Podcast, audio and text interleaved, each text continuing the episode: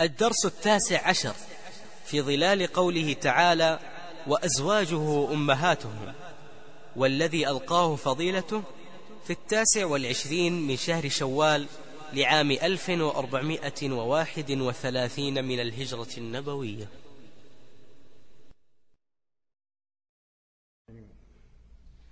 إن الحمد لله نحمده ونستعينه ونستغفره ونتوب إليه ونعوذ بالله من شرور أنفسنا وسيئات أعمالنا. من يهده الله فلا مضل له ومن يضلل فلا هادي له وأشهد أن لا إله إلا الله وحده لا شريك له وأشهد أن محمدا عبده ورسوله صلى الله عليه وعلى آله وصحبه وسلم تسليما كثيرا. النبي أولى بالمؤمنين من أنفسهم وأزواجه أمهاتهم. إنما يريد الله ليذهب عنكم الرجس أهل البيت ويطهركم تطهيرا. والسابقون الأولون من المهاجرين والأنصار والذين اتبعوهم بإحسان رضي الله عنهم ورضوا عنه. وأعد لهم جنات تجري تحتها تجري من تحتها الأنهار خالدين فيها. ويجري جنات تجري من تحتها الأنهار خالدين تجري تحتها الأنهار خالدين فيها أبدا. ذلك الفوز العظيم. إن الذين يرمون المحصنات الغافلات المؤمنات لعنوا في الدنيا والآخرة ولهم عذاب عظيم. إن الذين يؤذون الله ورسوله لعنهم الله في الدنيا والآخرة ولهم لعنهم الله في الدنيا والآخرة وأعد لهم عذابا مهينا. والذين يؤذون المؤمنين والمؤمنات بغير ما اكتسبوا فقد احتملوا بهتانا وإثما مبينا. أما بعد أيها الأخوة جئنا ونستأنف هذا اللقاء الذي أسأل الله أن يجعله مباركا وأن يبارك فيكم وفي القائمين عليه والداعين له حيث يتحملون العبء والمشقة في الإعداد له والتهيئة فجزاهم الله عني وعنكم خير الجزاء. وكما قدم أخي الشيخ محمد لقاءاتنا هذه أيها الأخوة هي لقاءات إيمانية علمية تربوية دعوية في ضوء القرآن الكريم. نعالج مشكلات الأمة من خلال القرآن والسنة لأن النبي صلى الله عليه وسلم يقول تركت فيكم ما إن تمسكتم به لن تضلوا بعدي أبدا كتاب الله وسنتي وكما قال الإمام مالك لن يصلح آخر هذه الأمة إلا بما صلح به أولها. وهنا نتساءل بماذا صلحوا أولها؟ هذه الجاهلية الجهلة التي جاءها النبي صلى الله عليه وسلم وهم في سدات عميق من الضلال والظلمات. فأخرجهم بإذن الله من الظلمات إلى النور. أخرجهم بماذا؟ بالكتاب والسنة بالوحي. إن هذا القرآن يهدي للتي هي أقوم نور وكتاب مبين. هذه الليلة كما كان في الدروس السابقة. نعيش مع كتاب الله جل وعلا. نستظل ونستفيء بمنطلقاته وهداياته. لنصل إلى الحقائق. وكفى بهذا القرآن حجة وبلاغا. في موضوعنا مثلا هذا اليوم وهو الحديث عن أمهات المؤمنين. أبدأ بهذه القصة. بل هي حقيقة. وإن كانت تسمى قصة. نحن نقص عليك أحسن القصص. يحدثني أحد كبار المشايخ يقول كنت في الحرم. فجاءني مجموعة من الشباب وقالوا إن هناك رجلا معمما يريد أن يناقشه. قلت له وقلت لهم لا أحب النقاش ولا أحب الجدل خاصة مع أمثال هؤلاء. لما عرفوا به من الجدل والكذب والتقية وعدم الخضوع للحق فأعتذر أن أضيع وقتي مع هؤلاء. يقول قام الشباب فما علمت إلا وقد جاءوا بالرجل. وجلس أمامي في الحرم قال أريد أن أناقشك بحضور هؤلاء الشباب. يقول الآن وجدت أنني ربما لو لم أناقشه لفهم الشباب فهما آخر. فقلت له أتذعن للحق؟ قال نعم أذعن للحق. يقول قلت له هل تؤمن بالقرآن؟ قال سبحان الله كيف لا أؤمن بالقرآن؟ ثم أخرج مصحف بالحجم الصغير من جيبه وقال انظر المصحف في جيبي. أنا أقرأ القرآن وأتلو القرآن. يقول قلت له هل تقول إن القرآن محرف أو ناقص؟ قال لا أقول بذلك. قلت الحمد لله. إذا أنتم تقولون إن الصحابة كفروا إلا نفر قليل. قال صحيح. أقول أنا أعقب أقول هم يرون أن الصحابة كفروا إلا قرابة ثلاثة عشر نفرا فقط. وقال بعض العلماء أوصلهم إلى سبعة أنفار فقط. منهم سلمان وأبي الدرداء وأبي والمقداد وأبي ذر رضي الله تعالى عنه. مع علي رضي الله عنه وأبنائه. فقط والبقية يقولون ارتدوا بعد النبي صلى الله عليه وسلم. يقول فقلت له افتح سورة الفتح. ففتح على سورة الفتح. فقلت اقرأ لقد رضي الله عن المؤمنين إذ يبايعونك تحت الشجرة. فيقول فقرأها. قلت له كم عدد أصحاب بيعة الشجرة؟ طبعا لا أستطيع أن تاريخ هذا. قال قرابة 1400 قلت طيب أعطني آية أن الله قد غضب عليهم بعد أن رضي عنها وقد ثبت عن النبي صلى الله عليه وسلم أن كل أهل الجنة لا تمسهم النار أو من أهل الجنة أو كما ورد عن النبي صلى الله عليه وسلم. فأعطني آية في القرآن تنسخ هذه الآية. أو حديثا ينسخ هذا الحديث. فكيف تكفرون أصحاب النار فيقول فسكت ولم يحر جوابا. يقول قلتم أنتم تقولون إن عائشة رضي الله عنها زانية. يعني في حديث الإفك. قال نعم نقول ذلك. يقول قلت إذن هي خبيثة في رأيكم. حاشاها من ذلك. قال نعم. يقول قلت له اقرأ سورة النور. الخبيثات للخبيثين والخبيثون للخبيثات. والنبي صلى الله عليه وسلم لم يطلقها بل مات في حضنها صلى الله عليه وسلم وفي غرفتها. ومستحيل أن تقول أن النبي صلى الله عليه وسلم طلقها ثم يجلس في حجرها صلى الله عليه وسلم ويموت بين حقنها وذقنها كما ورد في الحج أعطني فإذا يلزم على كلامكم. أقول هذا إلزام ترى في النقاش يا أخوان لا يعني أن النقاش يختلف عن غيره. الخبيثات للخبيثين. فأنتم تتهمون النبي صلى الله عليه وسلم أنه خبيث. لأنه مات وهو عنها راض وبقي معها. وفي, وفي هناك مدة بين اتهامكم الذي اتهمه المنافقون وهم سلفكم وبين وفاة النبي صلى الله عليه وسلم. يقول فسكت. فبدأ الشيخ يعطيه من هذه الآية من خلال القرآن فقط.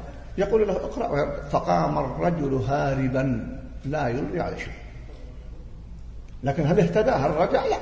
على الأقل في وقت المناظرة. إذا نحن نعالج مشكلاتنا من خلال القرآن أيها الأخوة القرآن هو المنهج الحق. من أعرض عن هذا القرآن الحقيقة فقد أعرض عن الإيمان. وهو الطريق أن هذا صراطي مستقيما فاتبعوه فإذا أردنا وكلنا نريد ذلك السعادة. وبيان الحق والنور فعلينا بالرجوع إلى كتاب الله وسنة صلى الله عليه وسلم بقاعدة ثابتة طرحتها معكم في محاضرات قادمة بفهم صحابة النبي صلى الله عليه وسلم. حتى لا تأتينا أفهام وتناقش وتفسر الآيات تفسيرا خاطئا. إذا ننطلق في هذه الليلة وفي كل ليلة وكما تعودنا من خلال من كتاب الله جل وعلا وسنة النبي صلى الله عليه وسلم. حديثنا اليوم عن أمهات المؤمنين أيها الأخوة وعن اتهام الطاهرة المطهرة عائشة رضي الله تعالى عنها من قبل هذا الفاجر الخبيث الذي سماه أبوه بياسر الحبيب وليس بياسر ولا حبيب. ويجوز تغيير الأسماء حتى لا يقول لي قائل لماذا لا تنسبه إلى من نسبه أبوه؟ فأقول أبو جهل لم يسمه أبوه أنه بأبي جهل. تعرفون اسمه عمرو بن الحكم ولكن سماه وصفه النبي صلى الله عليه وسلم بأن أبي جهل وفرعون هذه الأمة. فهذا رجل فاجر خبيث اتهم الطاهرة المطهرة في يوم السابع عشر من رمضان الماضي. في مؤتمر أقامه في لندن حضره جمهور كبير من الرافضة اتهم فيها بتهمة الزنا ودلس على الناس بشبه وتدليس لعلي من خلال الوقت الذي يتيسر بإذن الله أقف مع هذا الموضوع. الموضوع طرح في المنتديات. وفي المواقع وبإمكان من أراد الرجوع أن نرجع لعدد من هذه المواقع من أراد تفصيلا في قضايا العلمية البحتة لأنني سأحاول أن أكمل بعض ما يطرحه كثير من المشايخ من علم قوي وأحاديث واستدلالات أشير إشارات ووقفات سواء أكانت علمية أو أكانت وقفات تتعلق بهذا الحدث. نكمل فيه ونتعاون ومن باب الحق الذي يجب أن يقال. أخوتي الكرام هذا الحدث ابتلاء الحقيقة وهو من البلاء للأنبياء وبالذات نبينا صلى الله عليه وسلم. ومن كذب نبيا فقد كذب جميع الأنبياء كما تعلمون.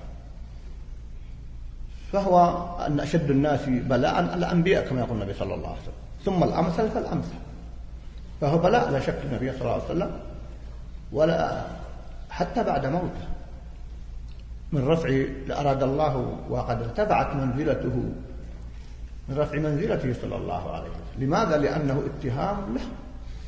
اتهام عائشة أيها الأخوة ليس اتهاما فرديا. يؤسفني أن البعض ربما يطرحون الموضوع ويريدون أن يحصرونه وإن كانوا يقولون أنه جريمة وكبيرة و... وإلى آخره لكن في شخص عائشة. هذا غير صحيح الحقيقة. عندما يتهم تتهم عائشة بهذا الإفك ويبقى مع النبي صلى الله عليه وسلم حتى يموت. أليس اتهاما لبيت النبوة؟ اتهاما للنبي صلى الله عليه وسلم. هو اتهام الحقيقة لعائشة رضي الله عنها. بعد أن برأها الله جل وعلا. وقد ذكر العلماء قاعدة مهمة جدا. قالوا اتهام عائشة قبل نزول سورة النور قذف لكنه لا يصل إلى الكفر. أما بعد نزول سورة النور فهو كفر لماذا؟ لأنه اتهام لها قبل ذلك كان اتهاما على شبهة أثارها المنافقون بدون بينة فلذلك الثلاثة من الصحابة الذين وقعوا في حادث الإفك ماذا فعل مع النبي صلى الله عليه وسلم؟ ما طلب منهم أن يجددوا إسلامهم إنما أقام عليه حتى القذف صلى الله عليه وسلم لكن بعد نزول سورة النور فهو كفر وردة. لماذا؟ لأنه تكذيب للنبي تكذيب للقرآن. القرآن الذي جاء ينص على هذا الموضع أيها الأخوة. فلذلك هنا نعرف أنه في هذه الحالة هو كفر. وقد لعنهم الله جل وعلا. الذين يتهمون المؤمنين والمؤمنات بغير ما اكتسبوا. فهو فقد لعنهم الله جل وعلا. فإذا هو كفر. ولكن أيضا أراد الله رفع مقام عائشة. كيف؟ جاءها رجل في يوم من الأيام وقال لها يا أم المؤمنين إنني سمعت رجلا يسب عمر رضي الله تعالى عنه بعد وفاته. وما أكثر من يسب عمر وبالذات هؤلاء. أتدرون ماذا قالت عائشة رضي الله عنها؟ قالت ذاك رجل انقطع عمله بوفاته. طبعا تقصد العمل المباشر وإلا في أعمال لا تنقطع كما في الحديث. فأراد الله أن لا ينقطع أجره بعد وفاته. فنحن نقول ذلك عن عائشة تلك امرأة ماتت فانقطع بعض عملها وإلا لا شك كل العلم الذي تركته والخير هو من استمرار الأجر لا شك. إذا مات ابن آدم انقطع نفعه فأراد الله أيضا أن لا ينقطع أجرها. فاستمر هؤلاء. في لعنهم وقدحهم هو أيضا اتهام للصحابة عموما ولأبي بكر رضي الله تعالى عنه الصديق وهذا أيضا فيه تكذيب للقرآن. هو في الحقيقة خلاصة الأمر أيها الأحبة هو تكذيب للقرآن المنزل للوحي المنزل. حتى نعرف ماذا يعني عندما يقف شخص ويتهم عائشة رضي الله عنها بهذا الاسم أن المرأة الموضوع ليس بالبساطة أو السهولة التي يطرحها البعض. فهو تكذيب بالوحي نصوص الوحي الكثيرة جدا سواء المباشرة في سورة النور أو غيرها كما في سورة براءة وغيرها. فلذلك هو في الوقت نفسه أيضا إسقاط للشريعة. كيف إسقاط للشريعة؟ عائشة من أكثر من روى الأحاديث إن لم تكن أكثر من روى الأحاديث بعد أبي هريرة عن النبي صلى الله عليه وسلم. فإسقاط عائشة طبيعي واتهامها إسقاط لجميع الأحاديث الصحيحة التي روتها. فكم يقصدون من استهداف الأمة في إسقاط هذه الأحاديث التي بالآلاف كما تعلمون؟ وهي أعلم نساء الأمة على الإطلاق؟ بل هناك من قال إنها أعلم من الرجال. ولكن هذا قول لا أقول نحتاج تفصيل؟ لكن لا شك أن من علماء الأمة رجالا ونساء من أكبر علماء الأمة. فإسقاطها بهذه التهم والإفتراءات هو في النهاية يقصدون به إسقاط. كل ما روت كما من زعم واتهم أبا هريرة رضي الله تعالى عنه ليس لشخصه مع مكانته. هم يريدون إسقاط آلاف الأحاديث التي رواها أبو هريرة رضي الله تعالى المسألة أيها الأخوة نحن هذا النور لاحظوا النور العظيم الذي نراه الآن يمده اسمحوا لي أقول سلك واحد أو باللغة الأخرى نقول كيبل صحيح؟ طيب لو قطع الآن هذا السلك والكيبل لا تطفي هذه الأنوار فكذلك إذا أسقط أسقطت عائشة أو أسقط أبو هريرة رضي الله عنه أسقطت كل الأنوار التي يريدون جاءوا بها من أحاديث وخير وعلم فهم يستهدفون أبعد من قضية كما قد يتصورها البعض. إذا أناس ثم هو أيضا استهداف لأهل السنة. كيف استهداف لأهل السنة؟ أكبر مرجع عند الرافضة الآن وسأعرض إن شاء الله لهذا الموضوع أعرض عليه يقول يحرم سب عائشة يقول لأنها رمز من رموز أهل السنة. لاحظوا عبارة دقيقة. رمز من رموز من رموز المسلمين؟ لا يعني في رأيه هو طبعا. نعم ونحن نقول المسلمين. لموز أهل السنة. خل دعونا في القسم الأول وسآتي إن شاء الله فيما بعد ذلك. إذا الحديث فيها هو أيضا طعن في أهل السنة. بل طعن في الإسلام والمسلمين. تصوروا جريمة بهذه الضخامة إنكار للوحي هدم لبيت النبوة. حديث عن الصحابة واتهام للصحابة ولزوجات النبي صلى الله عليه وسلم وللمسلمين وللسنة ماذا يبقى من الإسلام؟ إذا علينا أن ننتبه عندما أيها الأحبة لهذا الأمر أن نفسره بهذا التفسير. المسألة الثانية اسمحوا لي على الاختصار وإن كان الموضوع طويل لكن سأحاول أن أجتهد وأجتهد في بعض حقه الحدث أيها الأخوة أيضا من وجه آخر ليس حدثا فرديا. كيف؟ كما قلنا أنه لا يستهدف بعائشة فقط مع مقامها ومنزلتها ولا شك. هو أيضا ليس حدث قام به المسمى هذا الفجر الخبيث. لا. لأني رأيت كتابات خاصة من الشيعة يريدون أن يحصروه في من؟ في هذا الشخص فقط. وأنه أحمق وأنه لا يمثلنا وأنه وأنه وأنه. حقيقة لو أنهم فعلا تبرأوا منه تبرؤا حقيقيا لقلنا ما يجوز أن نحملهم ما لا يحتمل. كما أنه قد يتصرف بعض المسلمين تصرفا وبعض تصرفا لا يحسب على أهل السنة. لكن متى لا يحسب؟ عندما يقوم أهل السنة فعلا وينكرون إنكارا حقيقيا عليه ويقومون بالواجب الشرعي. عليه لكن هذا الحدث أيها الأخوة لا. يجب أن يؤخذ في إطاره الطبيعي. كيف في السياق الدولي الآن الذي يجري؟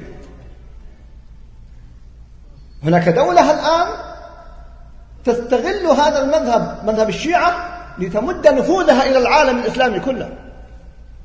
وتتخذ وسائل كثيرة جدا. وتستغل ضعف المسلمين الآن لبسط نفوذها وعقيدة الرافضة. فيأتي تفسير هذا الحدث ضمن هذا الهجوم. تدمير في العراق على أيدي هذه الدولة وحلفائها. فتن في داخل بلاد أهل السنة في بلاد الخليج وما يحدث كمثال في اليمن أو يحدث في البحرين. فتن عظيمة الآن من اللي يقوم فيها ومن الذي يدعمها؟ لم يعد سرا. هي هذه الدولة. دولة مجوسية. وقلت وأقول مرة أخرى أنا لا أعتبر أن دولة إيران دولة شيعية قد استغرب البعض. أقول هي دولة مجوسية. تستخدم المذهب الشيعي لتحبط نفوذها السياسي. والدليل على ذلك أن أعيادهم وتواريخهم تواريخ مجوسية أن أبغض شخص لهم على في التاريخ هو عمر أشد من أبي بكر لأنه هو الذي أدخل الإسلام وأسقط الدولة المجوسية الفارسية. فعداوتهم لعمر شيء عجيب جدا. مع عداوتهم لأبي بكر ولعائشة ولصحابة النبي صلى الله عليه وسلم. أدلة كثيرة ليس هذا مقام فقط إشارة إلى أنها هي تستغل المذهب الشيعي وعلماء الشيعة. نعم وهم فعلا من علماء الشيعة. تستغل هذه الدولة التي قامت قبل سنوات لإقامة دولة مجوسية امتداد لدولة الفرس السابقة وهذا الموضوع يطول البحث فيه ولكن إشارة وقلت لكم سأعتمد على الاختصار قدر الإمكان. إذا هذا الحدث يدل على أن يؤخذ في هذا السياق أنه ليس حدثا فرديا ومن التبسيط أن يقال إن هذا شخص شاذ أو أحمق فعل هذا الفعل.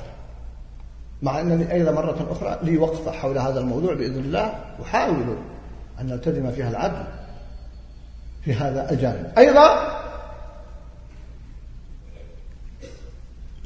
قد يقول لي قائل ما دمت تقول أنت ليس حدثا فرديا يعني تقول أنت مؤامرة. وأنتم دائما تفسرون المؤامرات وكل شيء مؤامرات. أقول سبحان الله العقول الصحيحة لا تنكر مبدأ المؤامرة بل هو مرة أخرى في القرآن. وإن كان مكرهم مكر. لتزول منه الجبال. إن الملأ يأتمرون بك ليقتلك مؤامرة. ويمكرون يمكر الله مؤامرة. فالذي ينكر المؤامرة حقيقة ينكر المحدوث والمعقول. والذي أيضا ولا نبالغ في المؤامرة. ما نريد نضع كل حدث مؤامرة. هذا لا ينبغي الحقيقة.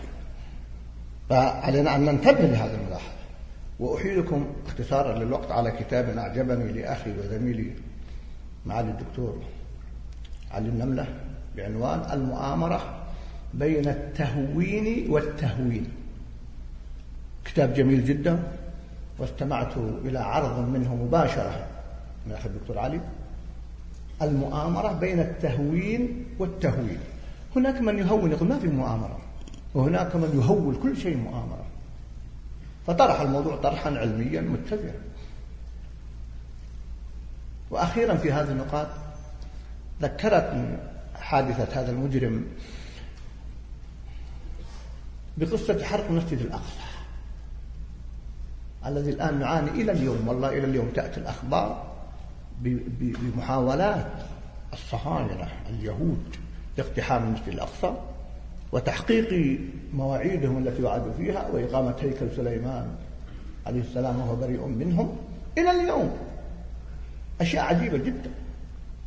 لما أحرق المسجد الأقصى قبل كم؟ عام 89 أو 69 من ميلادي تقريبا. أقول تقريبا للأذهان ولا كذلك 89 يعني قبل كم؟ قبل أكثر من 40 سنة. قالوا الذي أحرق المسجد الأقصى مجنون يهودي مجنون. غير عاقل. وأخذوه وقالوا أدوا مصحة نفسية بعض الناس صدق. فعلا اليهود براء مساكين حقيقة. هؤلاء أيضا يريدون يحصرها بشخص واحد. يقول لا هذا الرجل هو الأحمر. نحن ما لنا علاقة بما حدث. إذا كانت تسعة أعشار بينهم التقية فكيف نصدقهم؟ ثم الأدلة والشواهد التي سأذكرها تؤكد هذه الحقيقة بعد قليل. إذا الذي يجري أيها الأخوة يجب أن نفهمه في هذا السياق. وأخيرا نقطة الوقفة يعني مهمة. كيف يخدعون الوسطاء من أهل السنة؟ في الجهال في مشارق الأرض. كيف يصدرون ثورتهم؟ كما يقولون. كيف يسوقون المذهب الرافضة الآن؟ باسم حب آل البيت. ولذلك يسمون أنفسهم أنهم هم آل البيت. ونحن أعداء أهل البيت. نحن النواصب طيب دعونا نسلم بهذه الدعوة التي خدعوا بها ولا يزالون يخدعون كثير من الناس. يتباكون على أهل البيت وحب أهل البيت وحب النبي صلى الله عليه وسلم وأزواجه وغيره. وكل هذه الجرائم يفعلونها ضد أهل البيت. ما رأيتم لرجل وحاشا من ذلك يأتي للبيت ويقول أنا أحبك والله. ثم يتهم أهله بالزنا ويتهم أولاده ويتهم أصحابه بالفجور والكفر. أي حب لي؟ من أبقيت النبي صلى الله عليه وسلم يقول هل أنتم تاركوني أصحابي؟ وتأتي الأحاديث العظيمة. لا تسبوا أصحابي. يكلم من النبي صلى الله عليه وسلم؟ يكلم الصحابة يكلم بعض الصحابة. بل بعض كبار الصحابة لما سمع أحد الصحابة يسب صحابيا آخر قال لا تسبوا أصحابي لأنهم أقدم صحبة. فوالله لو أنفق أحدكم مثل أحد أحد ما بلغ مد أحدهم أو نصيفة. المد مد. أو نصيفة إحنا نقول نصيف يعني نصف الإصطاع بل في بعض الروايات فوالله لو أنفق أحدكم كل يوم كل يوم مثل أحد ما بلغ مد أحدهم. فهؤلاء يسبون الصحابة يكفرونهم يتهمون عائشة أم المؤمنين يتهمون كثير. ثم يقول نحن آل البيت. أي آل بيت تقصدون والله هم هم آل أعداء آل البيت. هم أعداء آل البيت أيضا مرة أخرى. ولذلك هذه الفائدة تساعدنا على كشف الحقائق أمام هؤلاء الضعفاء البسطاء الذين أحسن الظن فيهم أنهم أهل البيت ويدافعون عن النبي صلى الله عليه وسلم وعن آل بيته وكذبوا ورب الكعبة. فأقسم بهذا المقام أن حبنا لعلي رضي الله تعالى عنه وأهل بيته ما أقول لاحظوا ما أقول أكثر من حبهم هم أصلا يكذبون لكن أقول أكبر والله من, من دعوى حبهم أيضا لعلي ليش؟ لأنهم يكذبون لا يحبون علي. لو أحبوا علي لأطاعوه. لو أحبوا علي رضي الله عنه لاتبعوه. لكن لما رأيت الأمر أمرا منكرا أتجت ناري ودعيتكم فهم أعداء حتى علي رضي الله تعالى عنه. والعلاقة بين علي رضي الله تعالى عنه وبين بيت أبي بكر عجيبة جدا. لو كانوا صادقين في حبه. إن المحب لمن يحب مطيعه تعصي الإله وأنت تزعم حبه. كما تعلمون في هذه الأبيات ثم ختم أبياته بقوله إن المحب لمن يحب مطيعه. إذا كنتم تحبون علي كما تدعون انظروا إلى علاقة علي رضي الله تعالى عنه بأبي بكر وعلي وبيت علي بأبي بكر. علي رضي الله تعالى عنه يأتي طائعا ويسلم ويلقي خطبة بمبايعته لأبي بكر بعد توقف يسير. علي رضي الله تعالى عنه لما عائشة جاءت في وقعة الجمل المعروفة كانت في الصف الآخر المقابل. هذه فتنة. لا ندخل فيها كما هو منهج أهل السنة والجماعة. وقعت بين الصحابة رضوان الله عليهم وهم مجتهدون. منهم من أصاب ومنهم من أخطأ. فلما انتهت الوقعة وأرادت أن تذهب ذهب علي يشيعها ويكرمها فقال الخوارج أتكرم من جاءت تقاتلك؟ قال هي زوجة النبي صلى الله عليه وسلم وهي أم المؤمنين. هذا علي رضي الله تعالى عنه. الحسن والحسين يعتبرونها مع إنها أم للمؤمنين هي أمهم تعتبر لأن زوجة جدهم زوجة أبيهم النبي صلى الله عليه وسلم. فكان إكرامهم لعائشة عجيب جدا. أكثر الأحاديث التي رويت في فضل فاطمة رضي الله تعالى عنها أو كثير حتى عبارة أكثر دقة من الأحاديث التي في فضل فاطمة رضي الله تعالى عنها روتها عائشة رضي بل الأحاديث الدقيقة الخاصة التي لم يطلع عليها أحد روتها عائشة. لو كان هناك بغض وعداوة بين البيتين ما روتها عائشة رضي الله تعالى عنها. مستحيل.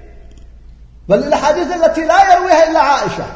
في فضل فاطمة ما نقول شارك أحد غيرها. أسماء بنت عميس كانت زوجة أبي بكر رضي الله عنها. وأم محمد بن أبي بكر. لما ماتت فاطمة بعد عدة أشهر من وفاة النبي صلى الله عليه وسلم أثناء خلافة أبي بكر من الذي غسل فاطمة أو شارك في تغسيلها؟ هي أسماء بنت عميس لو كان هناك عداوة بين البيتين بوجود أبي بكر ما سمح علي رضي الله تعالى عنه. بل إنه لما مات أبو بكر رضي الله عنه ممن تزوجها بعد ذلك علي رضي الله تعالى عنه. فإذا أيها الأخوة الحديث يطول في في قضية العلاقة بين البيتين وهناك وثائق. حتى إن أحد أبناء علي رضي الله تعالى عنه أقصد أحفاد علي يقول ولدني أبو بكر مرتين. يعني أبوه من جهتين. وكما تعلمون أن ابنة علي رضي الله تعالى عنه تزوجها عمر رضي الله تعالى ومحمد بن أبي بكر أيضا تربى في بيت من؟ في بيت علي رضي الله تعالى عنه. إذا كنتم إذا تقولون نحن نحب علي. وولاء علي لماذا هذه الافتراءات والمخالفة. حتى ندرك أيها الأخوة أبعاد مثل هذه القضايا وآثار مثل هذه القضايا. إخوة الكرام إذا عندما نحن نتحدث وندافع عن عائشة رضي الله تعالى عنها فنحن أولا ندافع عن الإسلام ندافع عن الوحي ندافع عن النبي صلى الله عليه وسلم ندافع عن الصحابة ندافع عن عائشة عن السنة. مع أني أقول إننا نحن بحاجة إلى أن ندافع عن عائشة في هذا الحال وإلا فعائشة فقد برأها الله جل وعلا من فوق سبع سماوات. من فوق سبع سماوات. ما دام برأها الله بقرآن يتلى إلى يوم القيامة هل تحتاج بعد ذلك إلى تبرئة؟ لكن نحن نحتاج إلى ذلك. لأنه ابتلاء وامتحان من الله لنا ماذا فعلنا في هذا الحدث؟ لأن هناك أناس ساكتون. طبعا قد يكون البعض ساكت لأنه يراها من فروض الكفايات وإذا قام البعض وسقط عن الباقين هذا صحيح. لكن أحيانا قد لا يكون كذلك. وكل كل أدرى بنفسه. هذا ما يتعلق بهذه المسألة. زوجات النبي صلى الله عليه وسلم وأزواجه أمهاتهم في قراءة لابن مسعود وغيره رضي الله تعالى عنهم وهو أبوهم. النبي أولى بالمؤمنين من أنفسهم وأزواجه أمهاتهم. قال وهو أبوهم. لكنها قراءة ليست متواترة ولذلك لم تثبت لكن معناها صحيح. قد يقول قال كيف صحيح وهو في نفس السورة ما كان محمد أبا أحد من رجالكم. ما كان محمد أبا أحد من رجالكم بالنسب. من ناحية النسب. لحكمة يعلم الله جل وعلا. فكما أن عائشة ليس لها أولاد وكذلك زوجة النبي صلى الله عليه وسلم لا يعد من باب الصلب إنما هو وأزواج أمهاته فهو أيضا من قياس الأولى وهو أبوهم وهذا ليس ابتداعا فقد قرأ قراءة ابن مسعود رضي الله عنه. وغيره فأقول زوجات النبي صلى الله عليه وسلم أيها الأخوة لهن فضل عظيم. فهن أولا من المسلمات كما تعلمون والمؤمنون والمؤمنات بعضهم أولياء بعض. وهن في الوقت نفسه أيها الأحبة من جملة الصحابة. والصحابة يتفاضلون في هذا الجانب والسابقون الأولون من المهاجرين والأنصار والذين اتبعوهم بإحسان رضي الله عنهم ورضوا عنه وأعد لهم جنات تجري تحتها الأنهار خالدين فيها أبدا. حكم الله لهم بالجنة. وهن من السابقون والسابقات للإسلام مع صحابة النبي صلى الله عليه وسلم. فإذا فضلهن أيضا فضل الصحبة. الجهة الثالثة أيها الأخوة أن قوله تعالى إنما يريد الله ليذهب عنكم الرجس أهل البيت ويطهركم تطهيرا. هذا نص في زوجات النبي صلى الله عليه وسلم. أنت لما أحد واحد يقول وتخرج بعض الأخوة الموجودين معنا يقول واحد أين تذهب قال أهلي ينتظرونني. من يتبادر إلى أذهانكم؟ أذهانكم. أولاد ابنته؟ إخوانه؟ أول ما يتبادر إلى ذهنه هم أزواجه هي زوجته. طبعا يدخل هؤلاء. أما حديث الكساء الذي يحتجون به لما جاء النبي صلى الله عليه وسلم جاء بعلي وفاطمة وأبنائهم الحسن والحسين ثم أدخلهم النبي صلى الله عليه وسلم وقال وقرأ هذه الآية إنما يريد الله ليذهب عنكم الرجس أهل البيت ويطهركم تطهيرا. ثم قال اللهم هؤلاء أهل بيتي فأذهب عنهم الرجس وطهرهم تطهيرا. قالت أم سلمة لأنه كان في بيتها وأنا معهم يا نبي الله. قال أنت على مكانك وأنت على خير. يستدل بها الرافضة على أن زوجات النبي صلى الله عليه وسلم لسنا داخلات. وهذا استدلال باطل. ليش؟ لماذا؟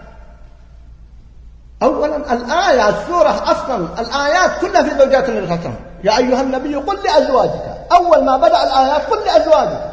فكل سياق الآيات في زوجات النبي صلى الله عليه وسلم ثم ختمها إنما يريد يعني هذه الأحكام التي قالها وقرنا في بيوتكن لستن كأحد من النساء. لماذا؟ قال إنما يريد الله ليذهب عنكم الرجس. يعني كل هذه الأحكام التي شرعها الله وجعل العقوبة مغلظة لو أن إحداهن وقعت في ذلك ومن يأتي منكن الفاحشة كلها لماذا؟ يذهب الله عنكم الرجس أهل البيت. فكل السياق في من؟ في زوجات النبي صلى الله عليه وسلم. لكن أراد النبي صلى الله عليه وسلم إكراما أيضا لعلي وهو أهل لذلك وأهل بيته أن يدخله معه. فحقيقة أن علي وابنته وأولاده داخلون وإلا فالأصل هم هؤلاء.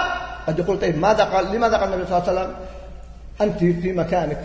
أو أنت مكانك وأنت على خير لأم سلمة لأنه هو وضع الكساء اسمه حديث الكساء.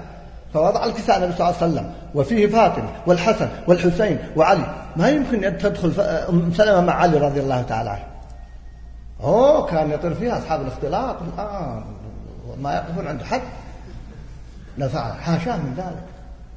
يقول انظروا دخلت في الكساء وعلي موجود فيه كساء بسيط. وأنتم تمنعون الكاشيرات وأنتم تمنعون حقيقة أيها الأخوة. فالنبي صلى الله عليه وسلم قال لا أنت مكانك وأنت على خير يعني أنت داخلة أصلا ابتداء ما يحتاج. فلذلك أيضا هم مستهدفات بل الأصل حكم الله ليذهب عنكم الرجس أهل البيت ويطهركم تطهيرا. ف لكنهم يقولون من غفلتهم أيضا أنه قال لماذا ما قال عنكن أهل البيت؟ نقول هذا لجهلهم الحقيقة. لأن النبي صلى الله عليه الله تعالى قال في القرآن في قصة موسى عليه السلام. نعم. لموسى ماذا قال؟ وهل هداك حديث موسى إذ قال لأهلهم كثوا؟ نعم. فقال لأهلهم كثوا. والرواية أن معه زوجته فقط. نعم. قالوا أتعجبين من رحمة الله؟ يعني هذا قصة إبراهيم عليه السلام. أتعجبين من أمر الله؟ رحمة الله وبركاته عليكم أهل البيت. شوف ما قال عليك؟ عليكم أهل البيت. فطبيعي هم لا يفهمون اللغة وهم من أجهل الناس في اللغة. فلا أريد أن أسترسل الحقيقة. إذا الأهل لغة وشرعا يطلقون ابتداء على الزوجات والأولاد طبعا وغيرهم. فإذا إنما يريد الله أن يذهب عنكم الرجس. أهل البيت يشمل زوجته ابتداء لأن هناك هذه ما أطلت فيها لأن مثل هذا الخبيث وغيره يشبهون يلبسون على المسلمين بهذا التهم يقول ما أدخلهم النبي صلى الله عليه وسلم في الكساء؟ طيب لا أننا قلنا جدلا أنه أدخل أم سلمة جدلا. طيب تقول طيب ما دخلت عائشة. طيب عائشة غير موجودة. هي تهم باطلة قد يروجون فيها على السنة قد يلبسون. ويستدلون عنكم وعنكن. هذا جهل في اللغة. طيب ألست تقول لأخيك لما تقابل السلام عليكم ورحمة الله؟ وهو أحد. ما يأتينا من يقول لماذا تقول السلام عليك فقط. يجوز تقول السلام عليك وتقول السلام عليكم. ما تقول حتى للنساء. لو تمر بالنساء من محارمك أو غير محارمك وأنت في الطريق ومحتجبة وتقول السلام عليكم ورحمة الله. قال حتى ما يقصدهن ليه؟ قال ما قال السلام عليكم. هذا جهل الحقيقة فإذا يجب أن ننتبه لهذه المعاني الدقيقة التي تفوت على كثير من الناس. أيضا فضلهن على الأمة وخدمتهن لأزواج النبي صلى الله عليه وسلم وقوة الصحبة كل هذا يبين أن زوجات النبي صلى الله عليه وسلم هن أمهات المؤمنين بقي مسألة أو بقيت مسألة.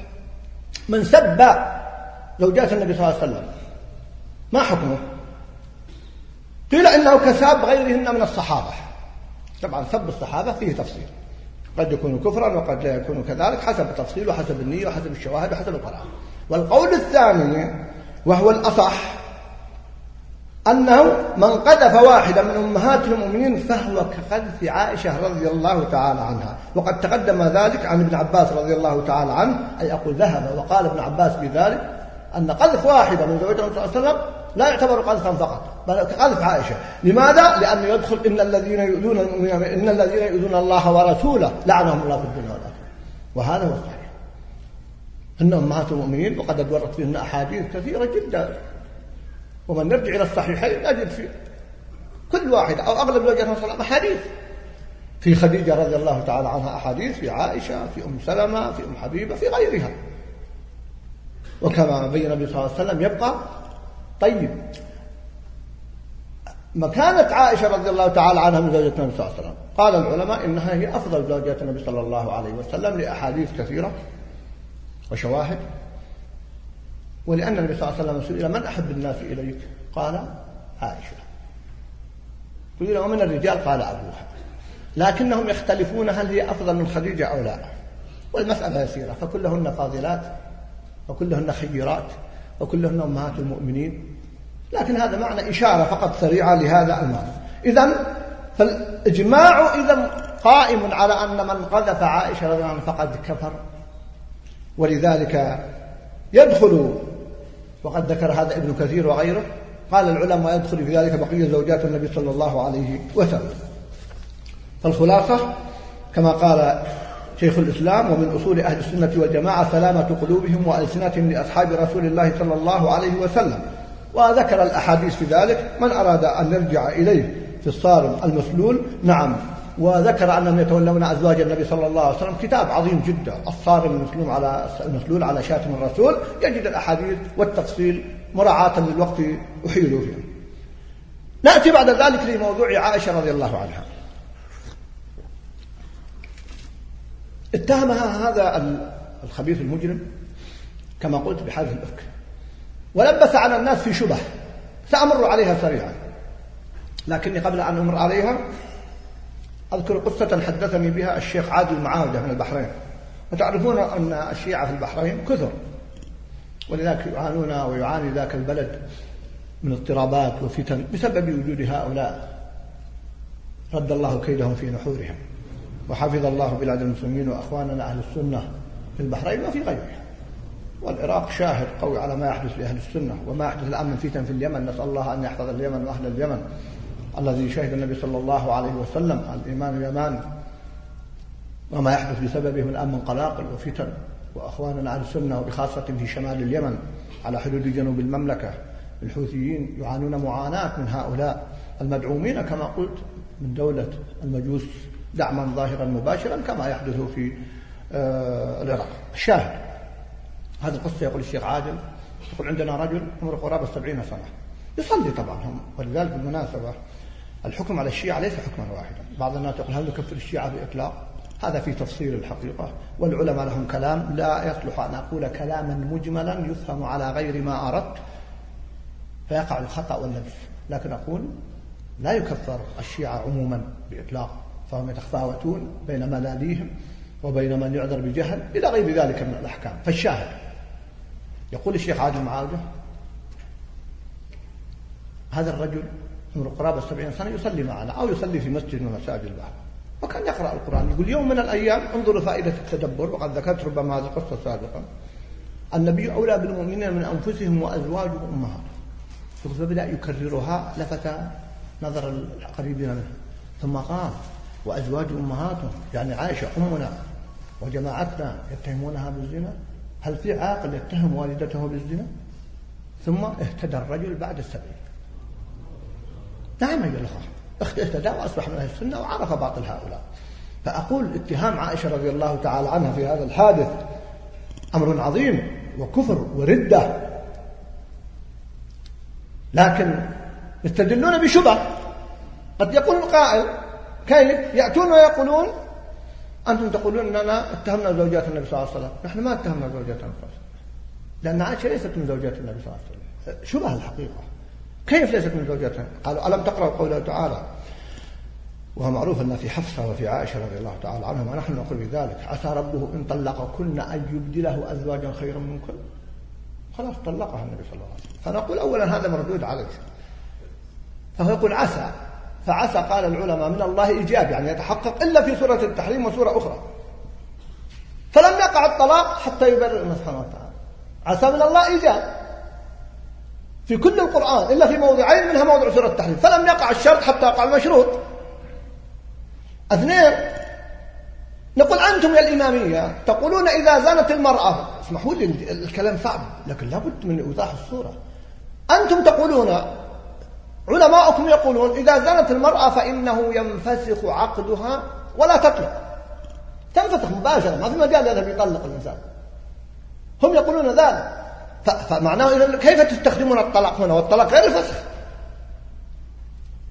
ثم تقولون أنها عسى ربه إن طلقكن أن يبدل أزواجا خيرا منكن فيسلبون الخيرية عن عن عائشة وحفصة رضي الله عنهم ونقول لا بالعكس. هذه فيها إثبات لخيرية عائشة وحفصة رضي الله عنها. كيف؟ قال العلماء ما يفاضل إلا بين متفاضلين. هل يليق أن يأتي شخص ويقول إن عمر رضي الله تعالى عنه أفضل من أبي جهل؟ ما يليق. ألم ترى أن السيف ينقص قدره إذا قيل إن السيف أمضى من العصا؟ لو واحد معه سيف قال والله سيفي هذا سيف بتار أحسن من العصا اللي معك. ما صارت. ألم ترى أن السيف ينقص قدره؟ أو ينقص قدره. إذا قيل إن السيف أمضى من العصا فأنت تنقص قدره فكذا إذا يكون تقول أبو بكر أفضل من عمر. والأربعة أفضل من غيرهم والعشرة المشهود لهم بالجنة أفضل من بقية الصحابة. هكذا يكون التفاضل.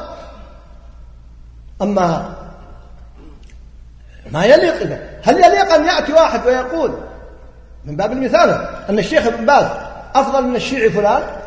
ما يليق هذا الكلام. ما ينبغي. فالشاهد إذن فقوله عسى ربه أن يبدله أزواجا خيرا منكن. إذن هو أثبت لهن الخيرية. ثم نقول تعالى ألم يقل الله جل وعلا في سورة الممتحنة؟ ولا تمسكوا بعصم الكوافر. ولا تمسكوا بعصم الكوافر. طيب. والنبي صلى الله عليه وسلم معروف أنه أمسك حتى مات. فهل خالف الرسول أمر الله جل وعلا؟ الشاهد أن شبه أيها الأخوة لا تنتهي أثارها هذا الرجل وخوفا من أن البعض يقع فيه ولا النبي صلى الله عليه وسلم يقول وفضل عائشة لما قال كمل من الرجال كثير ولم يكن من النساء إلا آسيا إلا مريم بنت عمران وآسيا امرأة فرعون. وفضل عائشة على النساء كفضل الثريد على سائر الطعام. فهو أثبت لها الخيرية والفضل رضي الله تعالى عنها. ثم أيضا أقف هنا من الوقفات أيها الأحبة. لأني سأختصر مراعاة للوقت وإكمالا لبعضهم. بس إشارة ما تستحق هم يتهمون وهذا الرجل اتهم عائشة أنها سمت النبي صلى الله عليه وسلم وأن موت بسبب سمها. واستدل بروايات أن عائشة مرة قالت أنه مات بسم اليهودية ومرة أخرى ذكرت آخر قال فترددت لأنها هي الفاعل. متى سمته؟ قالوا في قصة لما لد النبي صلى الله عليه وسلم وقال لما كل يلد الحقيقة هذا افتراء وكذب بل كان في البيت كما في الحديث الصحيح لما لد النبي صلى الله عليه وسلم لما أغمي عليه ثم استيقظ وعلم من لد فأمر أن يلد كل أهل البيت إلا من؟ إلا العباس رضي الله تعالى. فكان في حتى علي رضي الله تعالى عنه موجود وزوجات النبي صلى الله عليه وسلم موجود بل هم يقولون وحفصة حفصة غير موجودة أصلا. وهؤلاء يا أخوان في الكذب لا ينتهي كذبهم لأن تسعة أعشار منهم تقية هي الكذب. وبالمناسبة بالتتبع للتاريخ أيها الأخوة. أقول كل أمم الأرض حتى بعض الحشرات حتى بعض الحشرات تجرم الكذب إلا الرافضة يعتبرون الكذب دينا. حتى اليهود حتى اليهود يجرمون الكذب. والنصارى. فذكر فيما أذكر ابن القيم قصة نملة أو حشرة. حتى نعم نملة من النمل. وضع لها شخص قطعة من السكر أو جرادة. فنادت أصحابها من باب التعاون قصة النمل في سورة كاملة باسم النمل. فجاءت النمل يقول لما رأى النمل أقبلنا أمر فرفع هذه الجرادة أو قطعة السكر. فدارت النمل قليلا ثم رجعت ثم وضعها والنملة موجودة هذه ما تحركت يقول. فلما وضعها نادت أصحابها رجعنا فيقول فلما أقبلنا رفعها. يقول درنا قليلا ثم ذهبنا. فلما ذهبنا وضعها وتلك التي أخبرتهن ونادتهن لم تتحرك. لأن في حرج شديد اسمحوا لي أقول هذا الكلام. فلما وضع المرة الثالثة وجئنا يقول فرفعتها. فلما جئنا ولم يجدنها اجتمعنا على هذه النملة وقطعناها إرباء يحسبنها كذبت فيما كذبت. حتى في عالم الحشرات الكذب ما إلا عالم الرافضة. سيعتبرون الكذب ديانة. تسعة أعشار دينهم التقية إيش معنى التقية؟ الكذب. فكذبهم في الروايات في الأحاديث. فالمنتبه لهذا الأمر يقول إخواننا أهل السنة في داخل إيران حدثوني والله بأنفسهم. يقول إذا جاءنا شخص واهتدى من هؤلاء يقول نحن نقبل ونرحب فيه لكن نجلس فترة على حذر. نخشى أنه دس علينا لأن الأصل عندهم الكذب ونخشى أنه مرسل مقصود. حتى يثبت لنا طبعا إيمانه بعد ذلك فلا. وإلا يكون مشكلة بعد عدم قبول إيمانه. لكنهم يقولون نبدأ في الحذر لأننا ما نعرف عنهم أو أصل ما نعرف هو الكذب. نسأل الله السلامة والعافية. آه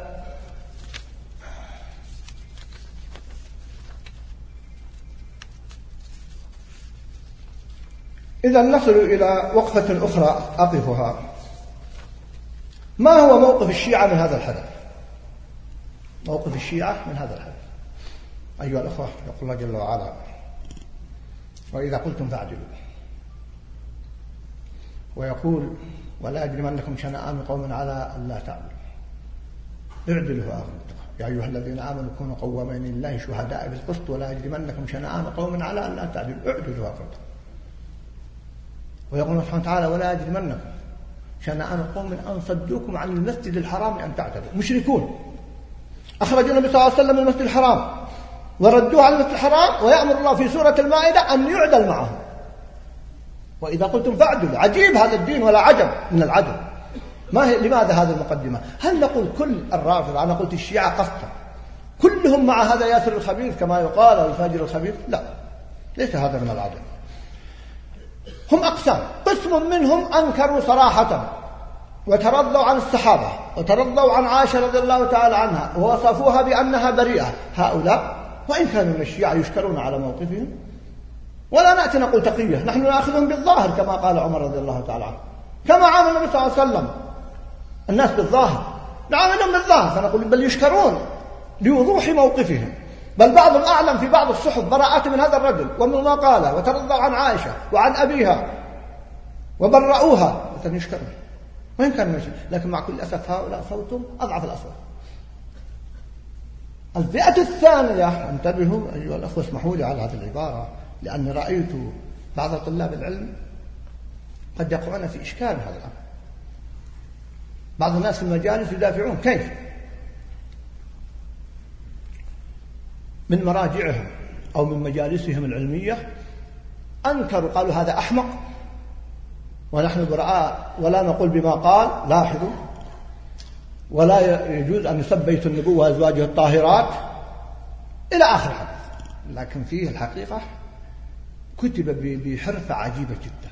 لم يذكروا عائشة إطلاقا ولا أبيها رضي الله عنها. قد يقول طيب ألم يقولوا أننا لا نرضى عن مستبر النبي صلى الله عليه أزواجه الطاهرات؟ قلت إلا قالوا ذلك. لكنهم يقولون أن عائشة ليست من أزواجها الطاهرات. هو طلقها. فهؤلاء استخدموا أسلوب عجيب جدا في التخلص من المشكلة مع بقاء معتقدهم النوع الثالث هو أكبر مراجعهم أصدر بيانا بتحريم سب عائشة. صرحها. لأن زوجة النبي صلى الله عليه وسلم. لكن حقيقة لما تأملت وجدته يقول لأنها رمز من رموز أهل السنة. وثار المسلمون ثورة عجيبة جدا والحمد لله ضد هذا الحدث. هو إذا يقول لا تسبوها لا لأنها طاهرة أو أنها بريئة لكن لا لأنها رمز من أهل السنة فهو يأخذ ويقلب الآية ولا تسبوا الذين يدعون من دون الله. يعني كما نزل القرآن يقول لا تسبوا الأصنام هي أصنام. وجاء النبي صلى الله عليه وسلم يحطمها لكن غير مناسب سبها إذا ترتب عليها مفسدة أعظم. فكأنه يقول لا تسبوا عائشة. زوجة النبي صلى الله عليه وسلم لماذا؟ لأن رمز من رموز أهل السنة وأنتم أثرتم أهل السنة ضد الدماء. وهذا يؤثر على مشروعنا في العالم. فلا تسبوها. قال لماذا أنت تفسر هذا التفسير؟ أقول هل أصدر بيانا يتبرأ مما في كتبهم من اتهام عائشة وملاليهم ومراجعهم من الزنا؟ تقول إحدى هؤلاء النساء امرأة فلانة الهاشمية. قرأت لها مقال عجيب. هي منهم. تقول تخاطب قومها. تقول لماذا تسلطتم على الضعيف يا سيد الحبيب؟ يا سيد الحبيب ما جاء بجديد هو جاء بما في الكتب في المراجع. الفرق أنه نطق والكتب صامتة. إذا كنتم صادقين في تبرؤكم تخاطب الذين تبرؤوا. إن كنتم صادقين فتبرؤوا من الكتب التي ورد فيها هذا الكلام. في المج... كتب المجلس وغيره من كتب معروفة. حقيقة كلام عجيب جدا وقوي. طبعا هي لا تتبرأ من هذا الأمر لكن يتحادث تقول هذا الرجل لما قام وأعلن هو نتيجة مدرسة موجودة في كتب موجودة لم تنكروها أنتم. فأنا أقول هذا الذي أصدر التحريم تبع عائشة هل أصدر يوم من يتبرأ مما قيل في هذه الكتب وأنه لا يأذن الله بكذبها وكذب مؤلفيها كلا. يا أخوان علينا أن نكون أكثر وعي في مثل هذه المسائل. اسمحوا لي. اسمعوا هذه القصة يحدثني بها والله صاحبها من المشايخ المعروفين. يقول كنت في مجلس أحد الوجهاء. وقد جاء بشخص من الشيعة يسمى معتدلا ويروج له بالصحف أنه معتدل. وإلى آخره. بل وصفه بعض طلاب العلم بالاعتدال وبأنه رمز من رموز الاعتدال. يقول استضاف هذا الوجيه. يقول وأنا حاضر. واستضاف معه أحد كبار المشايخ. يقول فبدأوا يتبادلون الكلام الوطنية وكلنا أبناء وطن واحد وكلنا أصحاب دين واحد فقط فروق يعني إلى غير ذلك. يعني حقيقة إضعاف للفروق بيننا وبين هؤلاء الناس الأصول وليست الفروق. يقول أنا ساكت. لما أنت استأذنت يقول صاحب البيت وقلت له تسمح لي بكلمة؟ قال تفضل. قلت له يا أستاذ يقصد هذا الشيء. هل تقول بتحريف القرآن؟ قال لا ما أقول بتحريف القرآن. قلت الحمد لله. هل تقول إن القرآن ناقص؟ قال لا ما أقول القرآن ناقص. أعوذ بالله. قلت والله الحمد لله. إذا سأسألك هل تكفر من يقول من مراجعكم أن القرآن ناقص ومحرف؟ قال لا ما أكفرهم. يقول فتوجهت للشيخ اللي قبل قليل يقول كنا ما بيننا إلا بسيطة وطنيه كنت أسألك يا شيخ بالذي علمك وخلقك وأوجدك والى آخره. من يقول من لا يكفر من يقول إن القرآن ناقص ومحرف ماذا تقول فيه؟ قال جزاك الله خير ما هو هذا موضوع قلت سألتك بالله. قال كافر بالإجماع. فقام الآخر وقال أنتم جئتم تكفرونني؟ يا فلان جئتني بهذا المجلس لأكفر؟ يقول فالتفت علي صاحب البيت قال أحسنت مرتين. هذه الحقائق. ليش نتعامل يا أخوان؟ لماذا ما نتعامل مع الحقائق؟ لأنه ما يستطيع أن يستخدم التقية. لأنه لو أعلن الآن في هذا المجمع وهو مسجل أنهم كفار سيعرف ماذا سيحدث له. سيكفر الملاليم وراجع الموجودة في الكتب. إذا عندما أقول أن هذا المرجع أنكر هو قال أنا رمز من رموز السنة ما قال رمز من رموز الإسلام؟ ما قال أنا رمز لنا وهم يدعون أنهم مسلمون. رمز من رموز أهل السنة فمعناها مراعاة سياسية فقط. من هذا المنطلق هناك آخرون أيها الأخوة أيضا حتى نكون أكثر وضوح في مواقفهم هم الذين حضروا أمامه حضر عدد كبير في المؤتمر حضروا في هذا المؤتمر والملتقى ولم ينكروا. ثالثا أو رابعا جمهورهم الذي ما له أثر. ثم لماذا لم ينكر هؤلاء؟ كبار مراجعهم إلا بعد شهر ونصف لو كانوا صادقين كان أول نقل في لندن في لندن على الهواء مباشرة. لو كانوا صادقين أول من ينكرهم لأنهم هم المتهمون. قد يأتيني قال طيب أنت حدثت بعد شهر ونصف لا فرق بين حديثي وحديثي. هم هم المتهمون هذا منسوب إليهم. فكان على مراجعهم الكبرى أن أول يوم ينكرون إنكارا صريحا واضحا بينا غير مجمل. لكن لما رأوا الأمة أقبلت وعقدت المؤتمرات والملتقيات حقيقة هذا هذا الموقف من باب العدل. ولعل بهذه المناسبة أشير كنت في مقابلة في قناة فضائية. فسمعت بعض الأخوة يقول أن لماذا الجماعة الفلانية ما أنكرت والجماعة الفلانية ما أنكرت؟ حقيقة فعلا بعض ما قال حق الأخ لكن أوضح أنا ما كان عندي خلفية آن فلما خرجت اتصلت ببعض من ذكر هو. فقلت لهم إنكم إن شخصا داخل ويقول لكم لم تنكروا. قالوا ما أنكرنا؟ والله عقدنا لقاءات ومؤتمرات كنت أعطوني البينات فأرسلوا لي إثباتات ببيانات إنكارهم. فأقول يا أخوان علينا نعترف عدم العلم ليس علما بالعدم. بل كذبوا بما لم يحيطوا بعلمه. فأنا أقول كمنهج لا نكذب أن فلان لم ينكر إلا حتى أن نتثبت لأني فوجئت. ما قالوا سننكر؟ قال فأثبت. قلت أعطوني أنا. أريد أرد على هذا الموضوع. لأني ما استطعت أرد أثناء المقابلة إلا لم يكن عندي حقائق. فأعطوني إياها بإثباتات. إلى اليوم أنا أراجعها وهي معي. فعلينا أن لا نستعجل في اتهام أي جهة. طبعا من أهل السنة ما أقصد من هؤلاء. أقصد ناس من أهل السنة جماعات من أهل السنة. قالوا إنهم لم ينكروا. ممالئة للرافضة نظر لمصالحهم مع الرافضة. ولأن لهم مصالح مع الرافضة ومع إيران بالذات فقد جاملوا الرافضة ولم ينكروا. فقالوا غير صحيح. وأرسلوا لي بيانات من قادتهم. أرسلوا لي بعض في قنوات فضائية. أرسلوا لي ملف في الحقيقة. فعلينا أن نحتاط في مثل هذه المسائل ولا نأخذ الكلام هكذا والله المستعان. كم بقي يا شيخ؟ الآن كم؟ أربع دقائق. الآن أقف أختم اللقاء مراعاة الوقت حتى أختم مع أسئلتكم بوقفات مهمة جدا. أبدأها في آية في سورة النور. النور سورة النور هذه نور. إن الذين جاءوا بالإفك عصبة منكم لا تحسبوه شرا لكم بل هو خير لكم. والله إنه خير يا أخوان الوقفة الأولى حول هذه الآية. لاحظوا. قال لا تحسبوه ما قال شر لعائشة. ولا خير لعائشة. قال لا تحسبوا شر لكم بل هو خير لكم. فإذا الحدث يتعلق بالمؤمنين جميعا. سواء وقع فيه شر هو لم يقع هنا شر قطعا.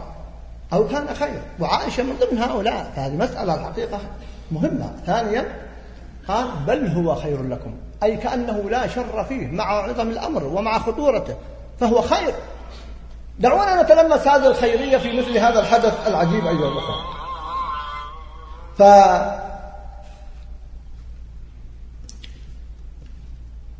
أولا أنه كشف حقيقة هؤلاء المدلسين وضحكوا على أهل السنة أو بعض أهل السنة أنهم من أهل البيت وأنهم وأنهم كما قلت في أول حديث هل ممكن واحد يكون يقول يحب أهل البيت ويقول فيهم هذا الكلام؟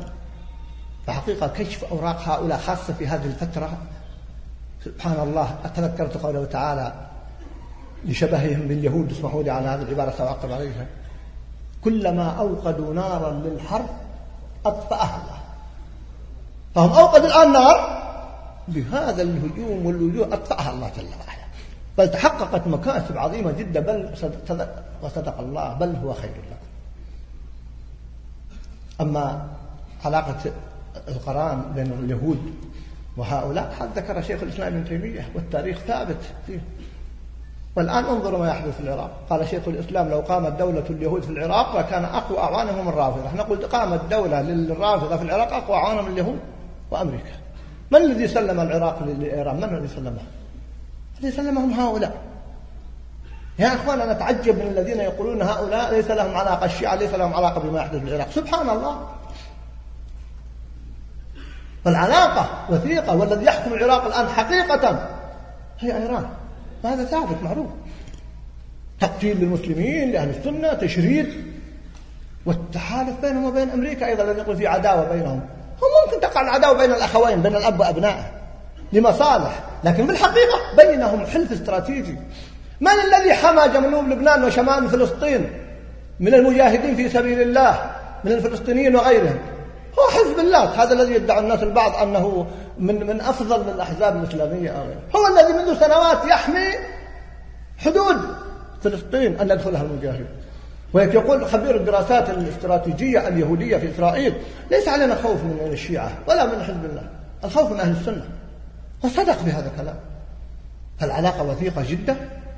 ولذلك أقول هذه حقيقة فيما يتعلق بهذا الجانب. أيضا كشف تاريخهم كما أشرت. الحديث عن الصحابة رضوان الله تعالى عنهم. الاهتمام من كثير المسلمين حتى في المغرب نشرت إحدى الصحف أن عدد من النساء المغاربة بدأن يسمين بناتهن بعائشة رضي الله في الوقت مع كل أسف اللي بعض أبناء المسلمين بدأوا يسمون الآن أسماء بناتهم وأبنائهم لا أقول بأسماء محدثة ليس هذا المقصد بل أسماء غربية يعني أسماء غربية الحقيقة تتعجب من هذه الأسماء ومن أين جاءوا بها؟ بينما يهجرون وليس يهجرون فقط. اسألوا الأحوال المدنية. يأتي بعض الأفراد وإن كانوا قلة الحمد لله قلة أو أقول في شذوذ. يغيرون أسماء نسائهم لأن أسماء زوجات النبي صلى الله عليه وسلم أو بنات النبي صلى الله عليه وسلم أو زوجات الصحابة. تقول أستحي والله ما يناسب. تطلب من أبيها أن يغير الاسم. لأن سبحان الله عجيب والله. يتركون أسماء صالحيهم ويسمون بأسماء أخرى. علينا أن نتحرى عندما نسمي لأبنائنا وبالمناسبة ابن القيم عقد فصلا رحمه الله بأن هناك علاقة وثيقة وتأثير بين الاسم والمسمى. فإذا سميت ابنك أو ابنك باسم فله تأثير عجيب جدا. وذلك النبي صلى الله عليه وسلم كان يتفاءل بالاسم حتى لو كان كافرا. لما جاء سهيل بن عمرو قال سهل أمركم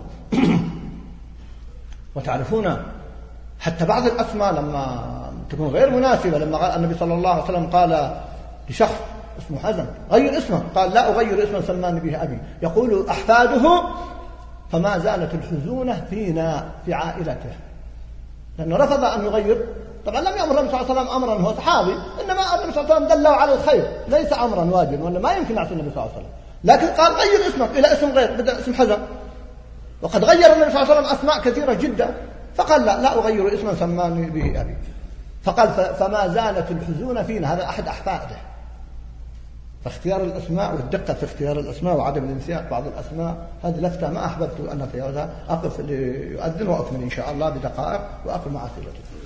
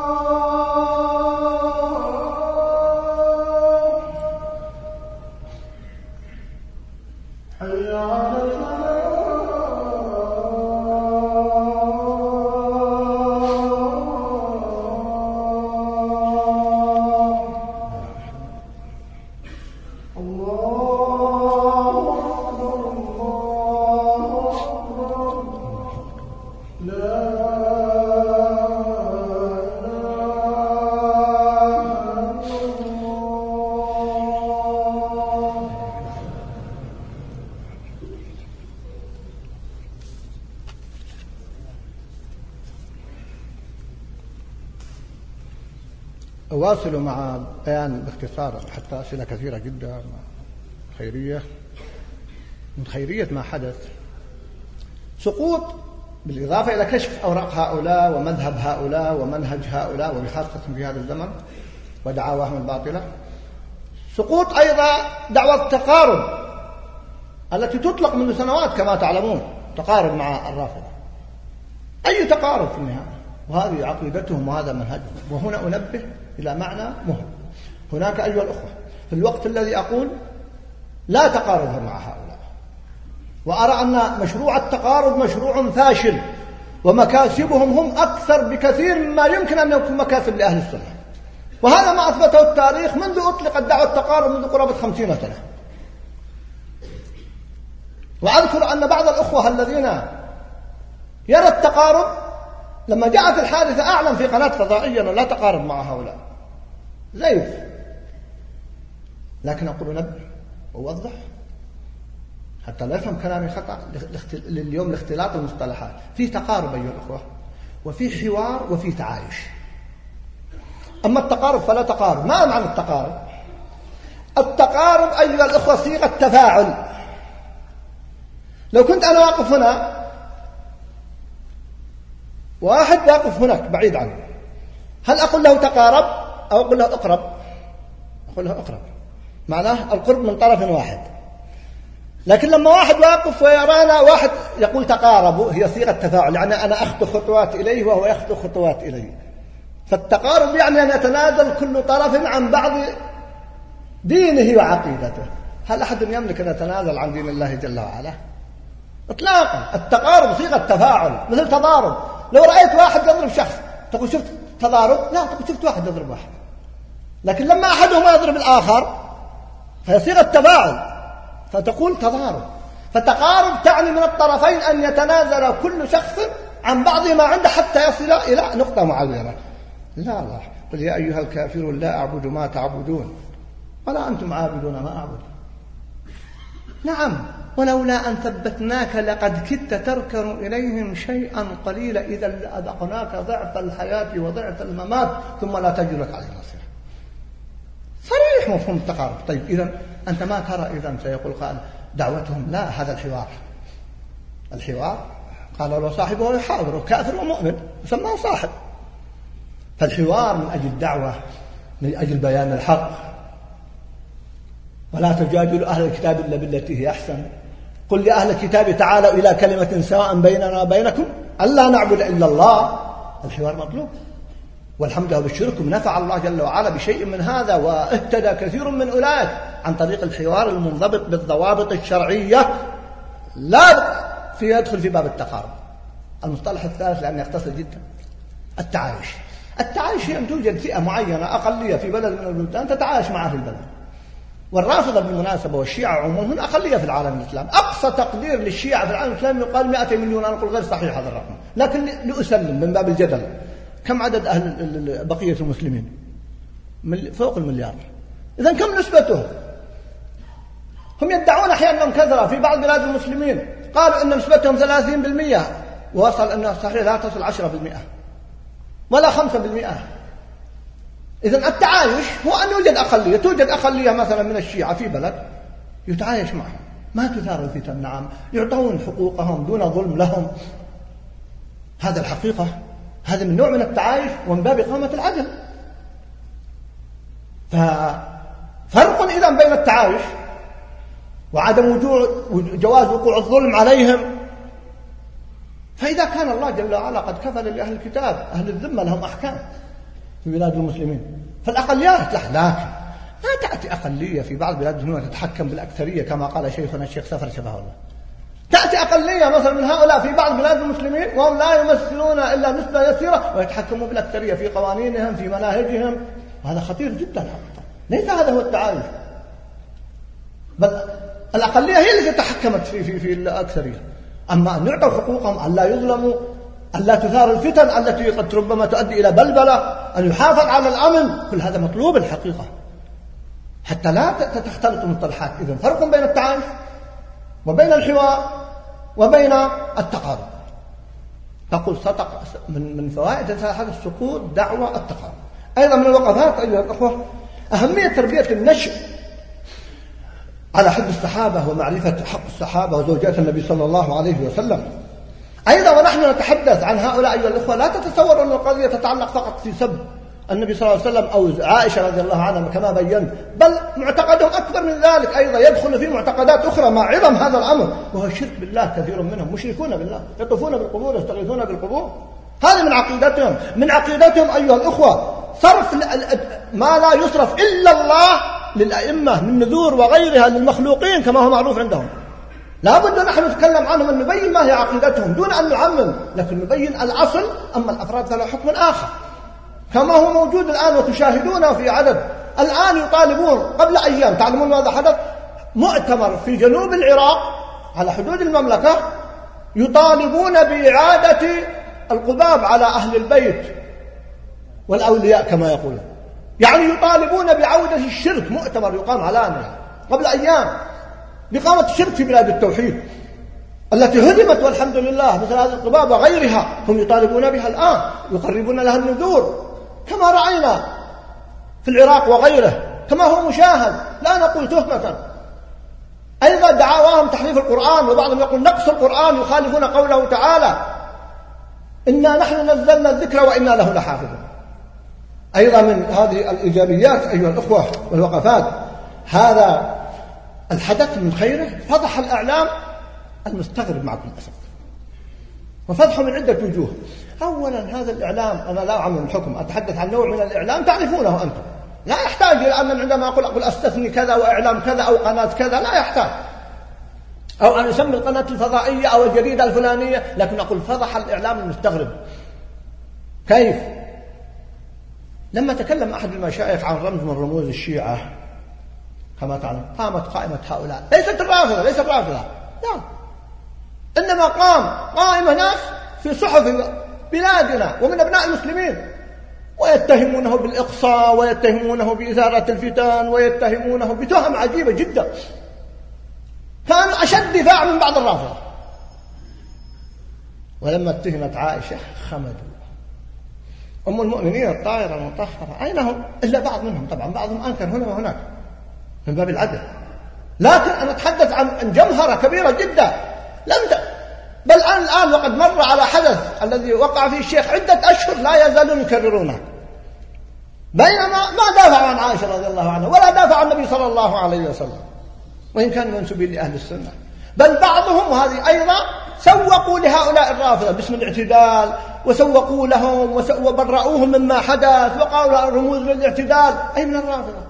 أي اعتدال هذا الذي تتحدثون عنه؟ فالحدث كشف عن حقيقة هؤلاء وتذكروا قوله تعالى ألم تر إلى الذين نافقوا يقولون لإخوانهم الذين كفروا من الكتاب؟ فهؤلاء المنافقون من بعض الليبراليين والعلمانيين حقيقة إخوان لهؤلاء كلهم يتفقون على هدف واحد مع الغرب الكافر كما بينت نسأل الله أن يكف عنا شرهم آه، أيضا أيها الأخوة أختم بنقطتين النقطة الأولى أناشد أهل الأموال والإخوان أن يقفوا مع هذه القنوات التي بارك الله فيها وكانت حية في نقل كل حدث حقيقة عدد من القنوات لا أسمي حتى أخطأ معروفة لديكم بعضها طبعا تختلف عن بعض لكن لهم مواقف مشرفة هم الذين كشفوا الحدث ولا زال تفاعل عجيب جدا. ويتنقلون من بلد إلى فأولا يشكرون ويدعى لهم وثانيا وكذلك معهم ناس في المواقع الإلكترونية وفي مواقع البث وأماكن كثيرة. هؤلاء الحقيقة أولا يدعى لهم بالثبات ويشكرون على عمله وعلى أن يدعموا يا أخوان. يعانون من مشكلات مالية ويحتاجون إلى دعم حتى يقفوا أمام هذا الأمر وهذا السيل الجارف. إذا كانت أمريكا ثبت أنها تدعم بعض القنوات العربية بمئات الملايين لتحقيق أهدافها. ألا تدعم القنوات الصالحة الطيبة الخيرة تحتاج دعم من أهل الخير؟ من أمثالكم أيها الأخوة من أرباب الأموال. هذا دفاع عن ديننا وعن عقيدتنا والإعلام اليوم يا أخوان إعلام آه، غير عادي. تصور أنا الآن لا أتحدث فقط أمام هذا العدد المبارك الذي أمامي. جاءني قبل أن أدخل المحاضرة ولا أدري كم بلغ أن الذين فقط الآن على البث البازوك أكثر من ثلاثة آلاف شخص. إذا اليوم وأنت تتحدث تخاطب العالم أجمع. فما بالك بهذه القنوات الفضائية المهمة دعمها والدفاع عنها؟ واجب شرعي كل حسب استطاعته ثم أخيرا أولا أدعو هؤلاء الرافضة وغيرهم إلى أن نتوبوا إلى الله وأن يعودوا إليه. أدعو عمومهم وعوامهم أن يعرفوا مناهج ملاليهم وأسأل الله لهم الهداية. وواجبنا أن نبذل جهودا من أجل أخوان هدايتهم فكثير منهم مخدوع بهؤلاء الملالي وأمثالهم. ندعوهم بالحكمة والتي أحسن والأسلوب المعتدل ليس بالإثارة ليس بالطعن بالرموز لا. لابد أن نراعي الجانب الشرعي. لكن واجبنا كبير جدا خاصة أننا نملك الإعلام الآن. وتعرفون بعض القنوات الفضائية كان لها دور جبار في حوارات مع بعض المشايخ. هدى الله على أيديهم عدد هائل جدا. أعرف فقط في الأحواز وهي منطقة تابعة سياسيا لإيران. وهم قرابة مليون من الشيعة اهتدى فقط خلال سنوات أكثر من 150 ألف. وقد يكون الرقم الآن تضاعف. في عدد من الأماكن توافر فيها الشيعة عوامهم بسطائهم قريبون من الحق إذا أحسننا التعامل معهم. فعلينا أن نبذل جهود بحكمة وصبر وأن نسأل الله أن يهديهم وأن يردهم إلى الحق. يا أخوان وما أرسلناك إلا رحمة للعالمين. هذا الدين رحمة يا أخوان.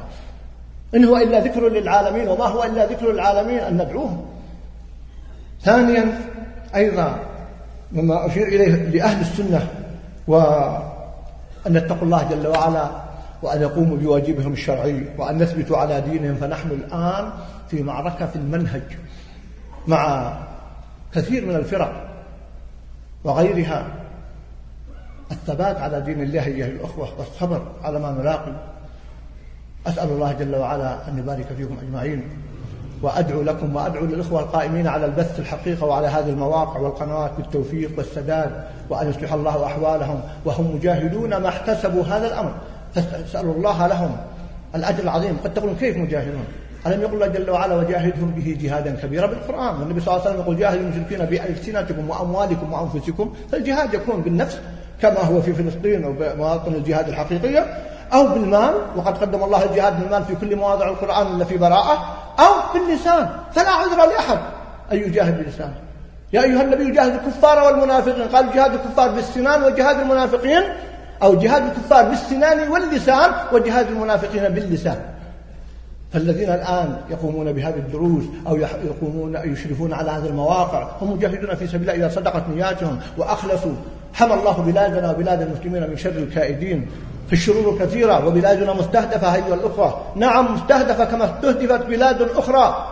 فواجبنا أن نحمي هذه البلاد أن نحمي عقيدة هذه البلاد بلاد التوحيد أن نحمي أمنها أيها الأخوة. ممن كان؟ الحفاظ على الأمن عبادة نتقرب بها إلى الله جل وعلا. وقد امتن الله جل وعلا علينا بهذا الأمن العظيم الذي نعيش فيه ويتخطف الناس من حولهم. أن نحافظ على أمن هذه البلاد سواء من الداخل أو من الخارج حتى لو كانت تصرفات بعض أبنائنا. فإذا فاسأل الله أن يحفظ بلادنا وبلاد المسلمين وأن يوفق ولاة أمور المسلمين لا يحب ويرضاه وأن يوفق ولاة أمورنا للخير والعدل ونشر هذا الدين والاستمرار على التعاهد الذي تعاد عليه الإمامان محمد بن عبد الوهاب ومحمد بن سعود رحمهم الله. بالقيام بحماية هذه البلاد وتوحيدها وعقيدتها هذا واجب شرعي لا شك فيه فهي بلاد التوحيد. وأسست على تقوى هكذا نحسبها والله حسيبها. نسأل الله التوفيق للجميع. أقف أخيرا مع أسئلتكم باختصار شديد بس أستأذن أخي الشيخ كم يعطيني من دقيقة للإقامة. عشر؟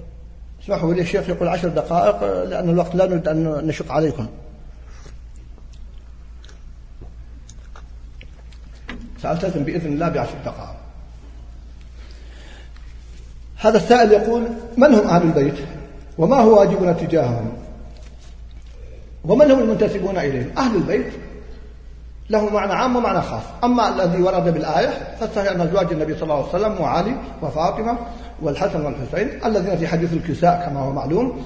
فنقول هؤلاء أهل البيت بالمعنى الخاص المعنى العام. قال العلماء هم كل من لهم من خمس الخمس. أو من شارك النبي صلى الله عليه وسلم في الجاهلية الإسلام وفي تفصيل هذا كلام مجمل جدا. ارجعوا إلى تفاصيل ذلك فقد كتب العلماء في هذا الباب ما يكفي. أما ما هو واجبنا تجاههم هو الولاء لهم الحقيقة هو القيام بحقوقهم فهو القيام بحقوق النبي صلى الله عليه وسلم.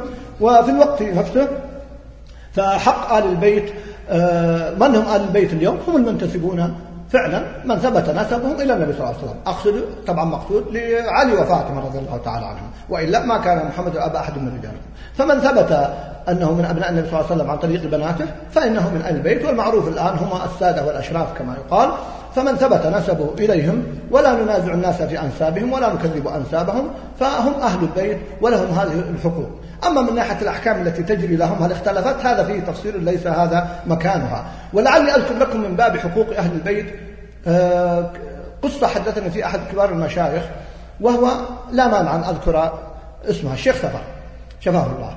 يقول أنه في شخص قتل شخصا من آل البيت أو واحد من آل البيت في منطقة قتل شخصا آخر من منطقة أخرى من دولة أخرى.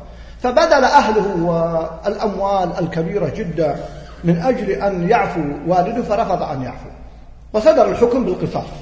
يقول فبلغني الخبر أو جاءني أهل الرجل فذهبت إلى هذا الرجل في بيته. فزرته وحده وقلت له يا أخي الكريم أنت حقك أن تطلب القصاص حق شرعي. لكن هذا من أهل بيت النبي صلى الله عليه وسلم فلعلك أن تعفو لعلك تنال شفاعة النبي صلى الله عليه وسلم. قال كذلك يا شيخ؟ قال نعم. يقول فاتصل بالقاضي قال لا يأتي عندك أحد. سآتي غدا بدون يعلم أحد. فجاء غد بعد غد عند القضية وجاء معه بشهود فأعلن تنازله. وكان معه سيارته وقد عاش في المملكة قرابة ثلاثين سنة وأولاده ثم خرج لا يعلمون أين ذهب. خشي أن يأتي أهل القاتل ويعطونه الأموال فيضعف أجره. يقول فترك المدينة هذه وخرج إلى بلده إكمالا لأجره ينتظر شفاعة النبي صلى الله عليه وسلم قربة الله. فلا شك أن أهل البيت له حق. طبعا نتكلم أهل البيت من هم مسلمون وهذا هو الأصل. نعم وإلا فأبو لهب كما تعلمون هو عم النبي صلى الله عليه وسلم. لكن نتكلم ممن يعيشون بيننا من أهل الإسلام وأهل العقيدة ولو قصر بعضهم. التقصير حادث من الجميع فلا بد أن نراعي هذا الجانب مقام النبوة وحقوق أهل البيت. يقول هل يجوز لأهل البيت في البلدان العربية من أهل السنة بكشف مخططاتهم؟ هذا الواجب. حقيقة الواجب. أن يتكتل فعلا أهل البيت وفي شيء من هذا والحمد لله في بعض الدول في شيء من هذا. أنهم قالوا نحن أهل البيت ليس هؤلاء الرافضة الكذبة أنهم أهل البيت. هؤلاء أعداء أهل البيت الحقيقة أعداء حقيقة. فأبو لهب أبو حتى لو صح بعض نسبهم من الرافضة فأبو لهب قال الله سبحانه وتعالى تبت يد أبي لهب وتب ونسبه لا يقدس إذا لم يكن على منهج الإسلام والشريعة فواجب أهل البيت كبير وهم يسمع لهم أكثر من غيرهم. ما تعليقكم على متابعة الناس لقنوات التي تعرض شبه الرافضة. يختلف الأمر. إذا كانت تعرض الشبه مع ردها وبقوة فلا حرج. أما إذا كان الرد ضعيفا والشبه قوية فلا ينبغي فقد تؤثر في بعض الناس.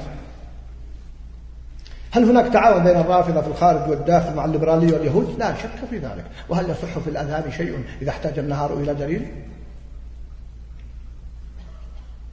يقول بعض يتداول الناس أن بعض الشركيات اللي يتعامل معها كثير من الناس في بلدانهم أو في بلدنا تدعم الرافضة. نعم لا شك. لكن هذا كلام مجمل ما يصلح الحديث فيه إلا بتفصيل حتى لا يطبق الكلام على غير حقيقته. ألا ترى هذا الهجوم على ثوابتنا اختبار لمدى قدرة المسلمين؟ بلا شك. أنا قلت هذا في حديثي أول. قلت هذا اختبار للأمة ليعلم الله سبحانه وتعالى مدى صدقنا وهم لينظروا هل نحن ندافع عن عقيدتنا؟ هل نحن ضد مبادئنا؟ لأن لهم أهداف كبيرة جدا لا تنتهي إلا كما يقولون بالاستيلاء على البيت والحجر وهذا معلن. لم يعد بدعوة مثلا تدويل الحرمين. دعوة تدويل الحرمين التي مع كل أسف تورط فيها بعض. أهل السنة في بعض البلاد الإسلامية. خاطئة. لماذا؟ ليس أقول هذا عصبية يا الإخوان الحق حق أن يتبع. لكنهم يريدون في الأخير إذاعة عقيدة التوحيد الذي يقام في الحرمين والحمد لله من دروس التوحيد وأئمة التوحيد وغيرها. هم يريدون أن تصبح تدوير الحرمين للكل. في إمامة الحرمين في دروسهم في غيرها وهذا الذي يريدون. فلننتبه لهذه الخطورة كتدوير الحرمين أو غيرها فهي دعوة خطيرة لها أبعاد وإن مع كل أسف أطلقها البعض دون أن يعوا أبعادها. يستغلون بعض الأخطاء ربما التي تقع فيقول لابد من تدوير الحرمين. وهذا الكلام فيه نظر. الأخطاء تزال. ولا يرضى بخطأ يقع أو ظلم يقع لكن أن يدعى لتدوير الحرمين فهذا باطل. وهذا في الحقيقة إعادة للشركيات وإعادة لهيمنة أمثال هؤلاء وأصحاب البدع على الحرمين. فلنتق الله جل وعلا أن نطلق مثل هذه الدعاوى التي لا ينتبه لها ولآثارها. نعم. هل يجوز لعن وتكفير من سب عائشة نعم. أو الصحابة هذا في تفصيل بالنسبة للغير لكن من لعنه الله فنلعنه نعم. الذين يؤذون المؤمنين بغير ما اكتسبوا. نعم. والذين سورة الأحزاب صريحة في هذا الأمر. الذين آذوا الله ورسوله لعنهم الله في الدنيا والآخرة. نعم فالموضوع يحتاج ضبط شرعي حتى لا نخلط الأمور والفارق. نعم. يقول لماذا ياسر الخبيث فقط أنكر عليه ولم يأتي بجديد؟ هل هذا منهج الرافضة جميعا؟ وضحت هذا بالتفصيل. يبدو الله كتب السؤال قبل وضحت أنه ليس منهج الرافضة جميعا. قلت أنا الشيعة لأن كلمة الرافضة تختلف بعض الشيء عن الشيعة بالمناسبة. في فرق بين الرافضة والشيعة فالشيعة أخف وإن كان الجمع يطلق عليهم شيعة هم لا يحبون كلمة الرافضة يحبون كلمة الشيعة أي شيعة أهل البيت وهم أعداء البيت.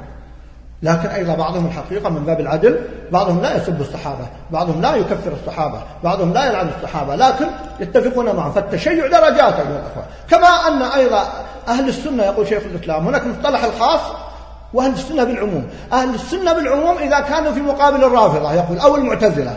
فنقول هؤلاء أهل السنة كما هو في واقع العالم الإسلامي اليوم ويكون أهل السنة داخل أهل السنة وهم من التزم بمنهج النبي صلى الله عليه وسلم وصحابته الكرام. إذا كذلك هؤلاء الشيعة والرافضة ليسوا على منهج واحد ودرجات ولذا قلت من العدل أن نعدل معهم في إطلاقنا الأحكام.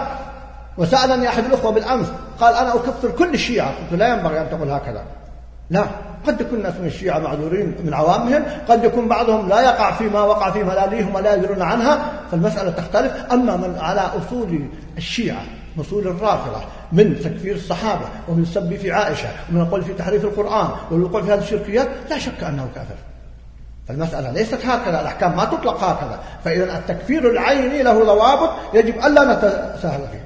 كيف ننصر أم المؤمنين في مدارسنا وجامعاتنا؟ بينت ذلك وإقامة الدروس والمؤتمرات. بقيت نقطة في هذه الجزئية لأن معي ثلاث دقائق وأنت الوقت محدد فأقول ننصر هؤلاء في برامج طويلة. إقامة المؤسسات يا أخوة الكرام. أقيموا المؤسسات التي تنصر آل البيت والحمد لله بدأت أبشركم هذه المؤسسات. أقيموا مراكز الدراسات الإسلامية. الآن عدد والحمد لله من جمعيات الآل والأصحاب بدأت تنشأ. هؤلاء لديهم مدارس أيها الأخوة ولديهم خطط بعيدة جدا. ونحن مع كل أسف أحيانا بعضنا انفعالي يعني نتفاعل مع الحدث شهر أو شهرين ثم كأنه انتهى. كأنه نسي الحدث. لا يجب أن نستمر في بيان حقوق النبي صلى الله عليه وسلم وصحابته وما يتعلق بالطعن فيه لأن هؤلاء مستمرون في باطلهم وفي مناهجهم. أن نقيم المؤسسات القوية التي تحمي عقيدة التوحيد عقيدة السنة تحمي آل البيت. تحمي صحابة النبي صلى الله عليه وسلم. هذا واجب شرعي أن تستغل الإعلام كما قلت لكم. هذا الإعلام المنتشر الآن في وسائل متعددة لا عذر لأحد. إذا كان في مثال البلتوك يأتي عشرات الآلاف أو أكثر ليستمعوا درس أو محاضرة أيها الأخوة الخير موجود. كنت قبل أيام في زيارة المخيم من المخيمات الدعوية. هل تعلمون أن واحدة من الأخوات الداعيات عدد الحضور بالأرقام بالعداد أكثر من 35 ألف؟ هذا الأسبوع الماضي. وأحد الدعاة في نفس المخيم الحضور قرابة 18 ألف فسألت القائمين من أين لكم هذه الأرقام؟ قال بالعداد كل من دخل سجل رقما الأمة فيها خير الأمة فيها صلاح فلنستثمر فكيف مع الإعلام الآن؟ قد يكون الذي أمامك عشرة أشخاص أو مئة شخص أو ألف لكن الذي يستمعون إليك عبر البلدوك أو غيره من الوسائل. المهمة جدا اليوم التي أثرت في أبنائنا سلبا أن تؤثر إيجابيا. قد يكون بالآلاف. هذا ما أجب نصره. دعم هذه المؤسسات القائمة ماليا كما قلت وأكد على هذا الأمر. دعمها ماليا لحاجاتها لذلك. بقي سؤالان. هذا أيضا يذكر علاقة فيما حدث ولا أقل فيها. وهذا أيضا يسأل عن سؤال سبق أن مر عن أنه يتعلق بأرض النبي صلى الله عليه وسلم. وأيضا هذا يتعلق يطالب بالتعليق على آيات سورة النور والوقت لا يسمح بذلك لأن الوقت قد انتهى. أيها الأخوة الحق أبلج وأبشر. أبشروا والله أعلم. الأمة منتصرة ومع مرارة ما حدث ففيه خير عظيم جدا. لا تحسبوه شرا لكم بل هو خير لكم. فتفاءلوا أيها الأخوة بمستقبل هذا الدين. ولكن نريد تفاؤلا مع جانب عملي حقيقي. المتفائلون أيها الأخوة هم الذين ينصر الله على أيديهم الدين. أما المنهزمون والمتشائمون واليائسون والقانطون ما استطاعوا أن ينتصروا على أنفسهم فكيف ينصروا أمتهم؟ الذي سيطر عليه التشاؤم المخالف لسنن الله ولكتابه ولرسوله ما استطاع ينتصر على نفسه. هل تنتظر منه أن ينصر أمته؟ فالتشاؤم واليأس والقنوط خطير جدا. في أي باب من الأبواب وقد تحدثنا مرارا عن هذا الجانب فهذا مع مرارة ما حدث ومع قصة ما حدث. فهو خير عظيم جدا في الدنيا والآخرة. مستقبل الأمة عظيم. أنا متفائل أن هذا الحدث سيكون سببا لاهتداء عدد من الشيعة. ومتفائل أن عدد من السنة الذين خدعوا بالشيعة سيستيقظون بسبب هذا الحدث. بل عدد من أهل السنة سيتبنون مشاريع مهمة جدا وقد سمعت بعضها وبداية مراكز للوقوف أمام هذا الدين وحماية جنب التوحيد وجنب هذا الدين. فهو خير يا أخوان وتفاءلوا. الأمة في خير. الأمة مقبلة. واجبنا كبير جدا. وقوف أهل السنة في مشارق الأرض ومغاربها جعل أكبر ملاليهم يتراجع أمام الناس ولو ظاهرا. هذه حقائق. أسأل الله أن يحفظ بلادنا بلاد المسلمين وأن يوفق ولاة الأمور لما يحب ويرضاه وأن يحفظنا وإياكم وأن يجعلنا من أنصار دينه والذابين عن أرض رسوله صلى الله عليه وسلم وزوجاته الطاهرات وصحابته الكرام. نعم أيها الأخوة لمن شاء منكم أن يتقدم ويتأخر فمن لم يتقدم فهو يتأخر. ومن قصر فقد ضر نفسه أيها الأخوة ولم يضر الله سبحانه وتعالى شيئا. ومن أحسن فإنما يحسن نفسه من عمل صالحا فلنفسه ومن أساء فعليها شكري لكم. وللإخوة القائمين على هذا المسجد المعلى المبارك ونلتقي بعد الحج بإذن الله لهذه الدروس. أشكركم جميعا ولجميع من نقل هذا الدرس أو سعى فيه أو قام عليه. أخص أخوة القائمين على هذا المسجد وهذا المعقل الحقيقة وهذا المعلم في مدينة جدة. خصوهم بالدعاء. ادعوا لهم أيها الأخوة. أسأل الله أن يبارك فيهم وفي جهودهم أجمعين. وصلى الله وسلم على محمد. السلام عليكم ورحمة الله وبركاته.